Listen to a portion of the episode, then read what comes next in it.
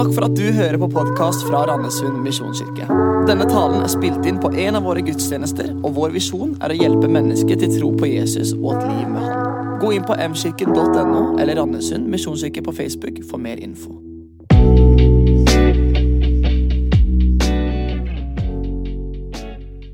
God påske. Jesus lever, og dette er den største søndagen i året. Hovedpastor her, Jarle, han mener første juledag er den viktigste søndagen i året. Det er den beste prekenteksten. Jeg har en del karismatiske venner som mener pinse det er det beste. Da kom ånden. Men de har helt feil. Dette er den største søndagen i året. Og faktum er at Jesus sto opp ifra de døde. Og ifra det som vi feirer søndagen, og hver eneste søndag så får vi minnes om at Jesus er oppstått. Han lever. Og på grunn av det så kan vi leve i ham. På grunn av det så er kraften tilgjengelig for oss. Og på grunn av det så er bare hele evangeliet, lovsangen, når vi leser evangeliet, det er gjennomsyra av dette. Men Jarle skal få lov å tale første juledag så lenge han vil. Nå nettopp var vi i en taleserie hvor jeg eh, snakket om tre ganger hellig Gud. Og når det står 'hellig, hellig, hellig', så er det noe spesielt. For det er den eneste plassen, eller eneste tittelen på Gud som er nevnt tre ganger. Aldri 'kjærlig, kjærlig, kjærlig men 'hellig, hellig, hellig'. Og hva betyr det? Jo, det betyr hvis du var smart, og du sa 'han eller hun er smart', da var du kanskje smartest i klassen, smartest på jobben din. Du var passelig smart. Men hvis du var smart-smart, da var du kanskje den smarteste i hele fylket, hele området. Men hvis du er smart, smart, smart, da er du den smarteste i Norge eller i verden. Og du er bare smart, smart, smart. I dag skal vi snakke om noe annet som vi har med påske å gjøre. Og det at Jesus, han ble kongenes konge. Han er kongen over alle konger. Og det å være konge og få en kongetittel, det er ikke bare bare. Vi kan si i dag at det er helt konge, han er helt konge, og til og med så sier noen hun er helt konge. Og det er veldig interessant. Men det konge, det, da er det noe spesielt. Og for å da kunne bli konge så, eh, så må du eh, gjøre noe spesielt. Den første her Jeg har ikke bildet der bak. Det er sånn For å bli kongen av pop, så måtte du være spesiell. Og han her, Michael Jackson, han var kongen av pop.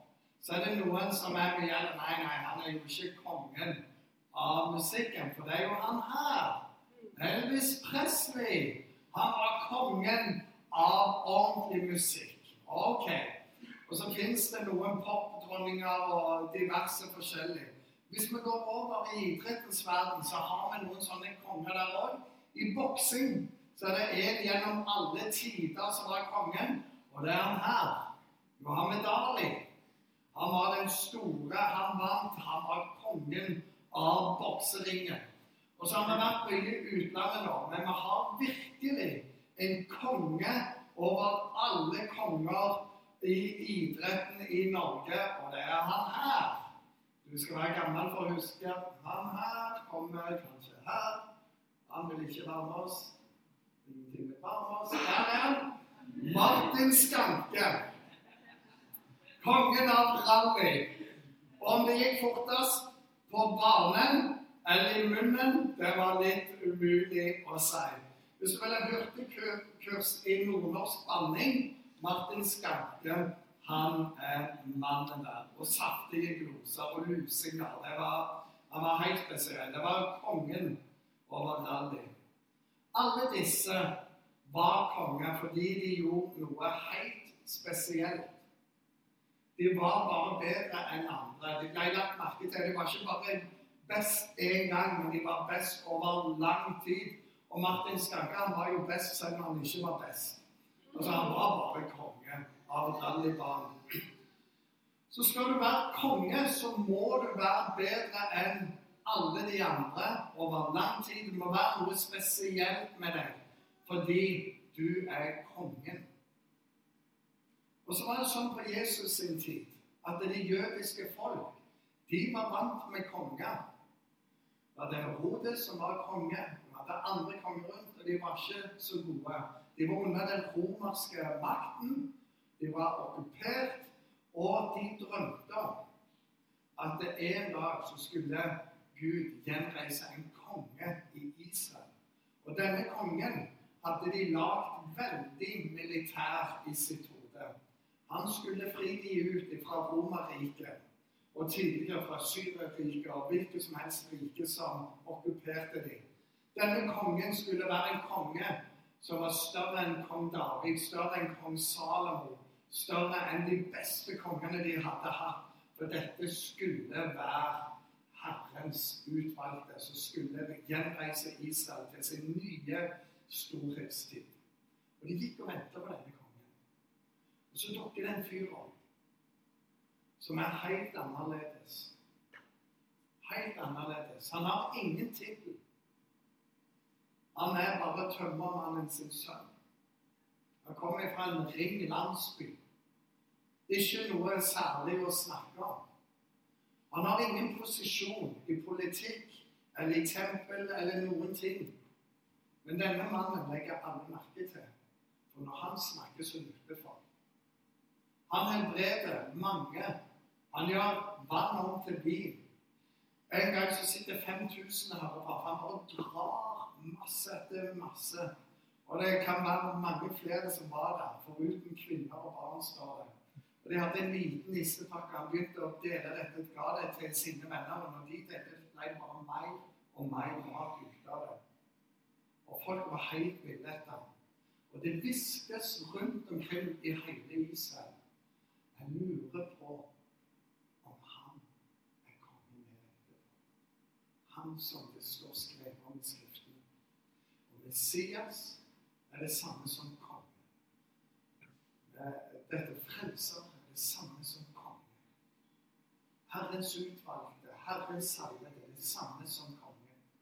Og på ett tidspunkt så bare renner denne begeistringen over. For de visste hvis de gjorde dette offentlig, så ville kongen stå i fare i forhold til Romerriket. Kunne bli tatt til fange, kunne bli drept før han rakk å bli verden. Men en dag så kommer han ridende på esel. Og Det er det som vi nå kaller palmesøndag. Og folk klarer ikke å legge bånd på seg lenger. Og de går og kutter ned palmekleiene. De tar kappene de har, kaster det ned. Og som eh, Toren som talte her på palmesøndag Det var ikke mye de hadde å ære med, men det de hadde, det ærte de. Så de tok kappen, kutta ned dette treet og alt det samme. Bare ned fram. For der kommer kongen. Og det står dette Se, si til din datter, sier han, se, din konge kommer til deg. Ydmyk er han, og ri på et esel og trekk dyrets fone. Kongen kommer. Og de begynner å rope ut ting over ham. De roper Hosianna. Det betyr 'Herren frels', eller 'Herrens frelse'. Frelseren. Kongen kommer, og plutselig så hører alle. Romerne hører det, den religiøse eliten hører det, og folk er bare Nå skjer det. Det er palmesøndag.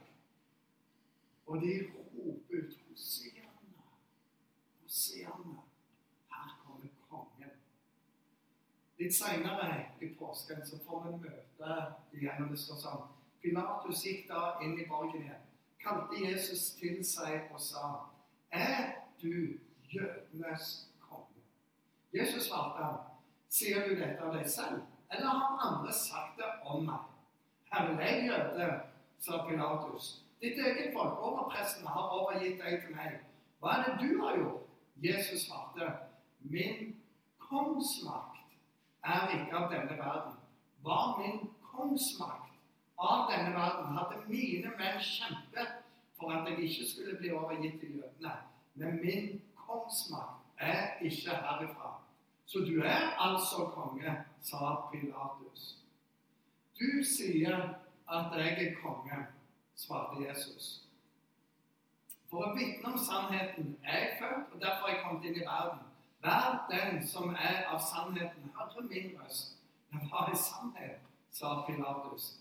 Deretter gikk han ut igjen til jødene og sa til dem, jeg finner ingen skyld hos denne mannen. Men dere har denne skikken at jeg gir dere én fange fri til påske. Vil dere at jeg skal frigi jødenes konge? Ta borte det igjen. Ikke han, men Barabbas. Men Barabbas var en røver. Det er veldig kort vei fra palmesøndag til langfredag. Ifra oss. I der kommer kongen vår til korsfestet. Det er en utrolig kort vei mellom de to der. Og hvorfor var det sånn? Jo, fordi Jesus var ikke den kongen de hadde forventa. Han var ikke den kongen de hadde lagd et bilde av. Han de hadde håp på, skulle gjøre veldig bestemte ting. Og hør, Jesus er ikke alltid den kongen du og jeg har forventa heller. For vi lager oss et bilde av hvem Jesus skal være for oss. Hvordan Jesus skal svare bønnene våre. Hvordan Jesus skal fikse livet vårt.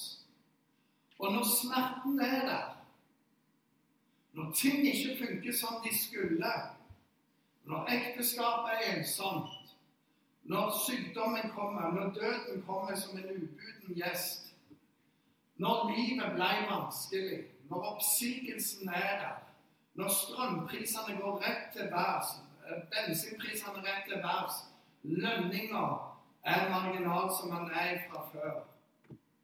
Når bønnesvarene ikke er ja, men det er vent, eller faktisk nei, da er det kort vei fra palmesøndag til langfredag i mange han var ikke den kongen ønsker oss. Og Det kan være kort vei fra oss som sier Hosianna til korsfesta når har noe med å gjøre. Og vi stiller spørsmålet hvorfor tillater du dette, Gud? Hvor er du når du når, Hvor er du når jeg trenger det? Hvorfor griper du ikke inn? Hvorfor fikk jeg dette loddet å dra gjennom livet, Gud? Vi forstår ikke alt. Men om Jesus ikke er alltid den kongen som du ønsker, så er han alltid den kongen du trenger.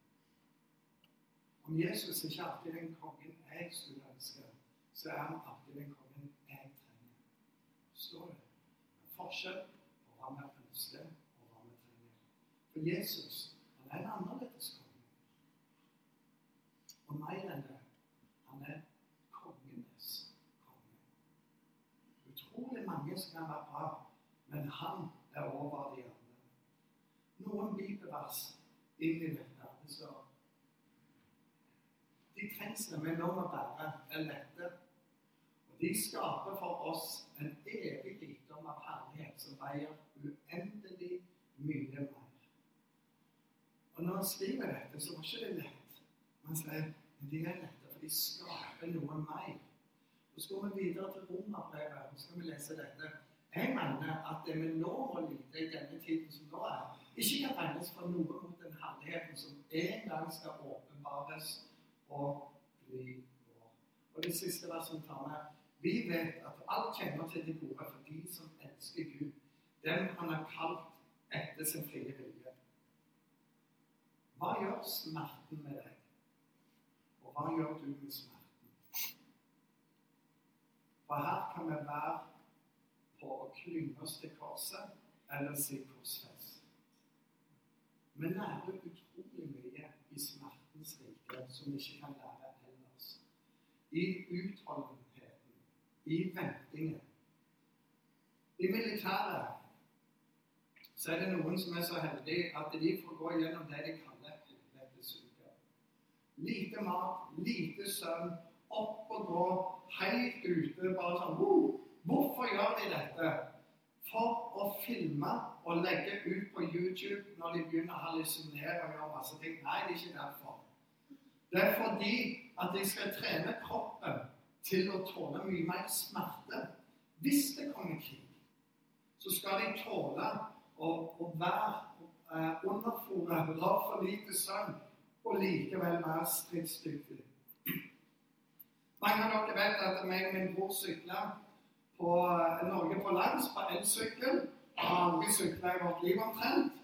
Og månedene før det så fikk vi et veldig bra tips av folk. Hvis dere skal sykle hele Norge på lands, så er det jo lurt å sykle litt før dere skal sykle så langt. Det var tipset. Jeg fatter ikke hvordan folk kan komme med sånne tips. Så vi fant ut vi må jo trene på dette her. Det lengste Jim sykla på én dag, det var ni mil. Jeg tror jeg sykla seks mil. Jeg syns det var så kjedelig. Min svigerfar han sa du må sykle opp til Horten en dag og ned neste dag. For det er sånn du kommer til å sykle hver eneste dag. Det var så aldri i livet. Tenk å utsette seg for noe sånne ting. Orker det ikke. Orker ikke tanken på det. Så der var vi på Nordkapp og skulle begynne å sykle. Og vi sykla 17 mil i snitt i 17 dager.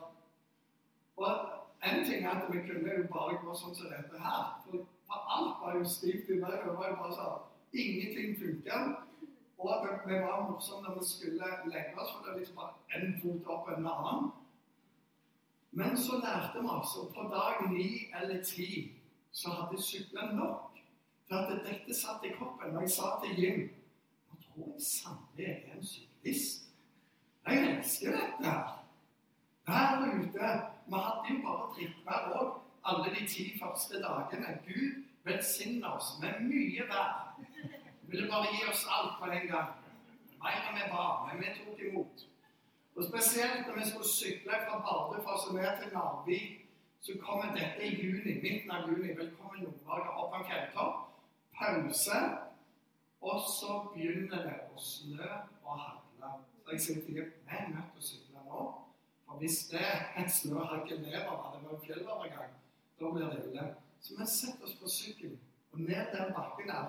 Så var sånn vi måtte eh, Nei, vi trengte ikke bremse, for det var så ekstrem motvind. Man kom aldri over 40 uansett. Det bare blåste blåste, og så kom hakkene. Du kan ikke gjøre noe bra. Og så bare sa jeg til Gud har en underlig sans for humor. Men på et tidspunkt så lærte vi at dette er bra. Du får det kun når du har gjort det lenge nok. Hvis vi tar det over til andre ting Vi, hadde, vi har en sønn. Etter han hadde lært å gå, så trakk han beina i sammen. At et virus i kroppen kunne ikke gå lenger. Nei, forferdelig. Og vi visste ikke er det viruset der resten av livet, er det kort, er det langt, ante ikke. Men ser en sønn som har det vondt. Den stunden der om det går an å si at den er nærmere Gud. Bedre mye mer. Hvor skal jeg gå hen til styrke? Gå til kongens konge. Vi kommer fra Bryne misjonskirke. Og Der ba de om vekkelse, og så fikk de vekkelse. Vær forsiktig hva du ber om. For vekkelsen, det var jo Hells Angels-folk og andre folk. Det var bare en vekkelse som kom. Og de kom i kirka litt annerledes kledd enn det du og jeg er i dag. Og så flytta flere av disse inn til familien. De kunne jo ikke spise vanlig, stå på vanlige tider, ha vanlige rutiner. Det var en lang og tålmodighetsgjørende prosess å ha de. For de måtte lære å fungere normalt. Han ene ble misjonær så spurte vi menigheten hvordan var det så sa jeg det var ikke dette vi ba om. Og så var det sånn jo, det var jo det, men ikke på den måten. Hadde vi visst hva vi skulle gjennom på forhånd, så hadde vi takka nei. Men nå vi vil jo ikke være foruten. Vi ser alle de livsforvandlingene som har vært. Smerte og seier oppi det. Og hør, om du skulle like å ta. så Jesus fortsatt han er en annerledes konge. Er det langfredag i livet ditt, så må du vite søndag kommer. Søndag kommer. Videre også, Det som er viktig for oss, da, fordi det, denne smerten kommer, og disse ubesvarte bønner eller vent og hva det er Gå ikke glipp av kongen din. Det er så lett å gå glipp av kongen. I Johannes 15 så står det ingen har større kjærlighet enn den som gir livet sitt for vennene sine. Det er Guds kjærlighet. Han beviser det gjennom Jesus i påsken. Og så står det videre dette i romerbrevet.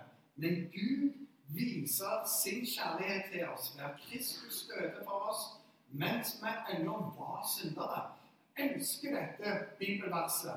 Gud sa ikke du må ta deg sammen for å komme til meg. Mens vi var syndere, så døde han. Han tok det på seg for at vi skal kunne komme til ham. Så har du gitt opp. Han har jo ikke gitt deg opp. Mens vi var syndere, så døde for oss. Og Vi trenger å minnes på det. Jesus han led gjennom påsken for deg. Han døde for deg. Han sto opp for deg. Og han kommer igjen for å hente deg. Det er nydelig. Graven kunne ikke holde på Jesus. Han er kongens konge.